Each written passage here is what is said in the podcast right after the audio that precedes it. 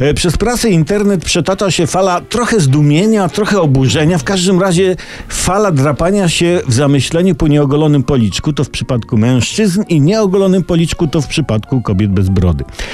E, Chodzi o nagrody, jakie osoby na wysokich stanowiskach przyznały sobie za miniony rok. Nagrody budzą emocje, kontrowersje oraz kontrowersyjne emocje.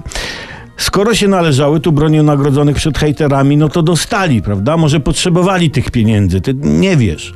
Nagrody uzasadnia się zaangażowaniem w pracę i realizowaniem planów. No, tego nie sprawdzisz.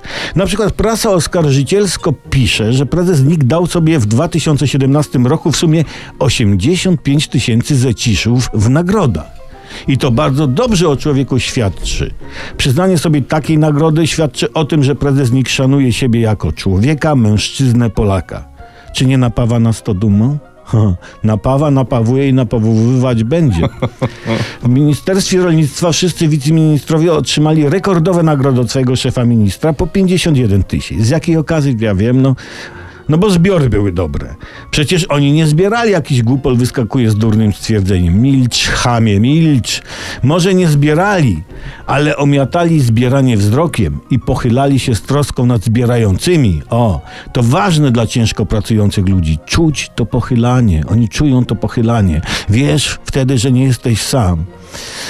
A poza tym człowieku, obywatelu, dostałeś 500 plus, to milcz i nie podskakuj. O.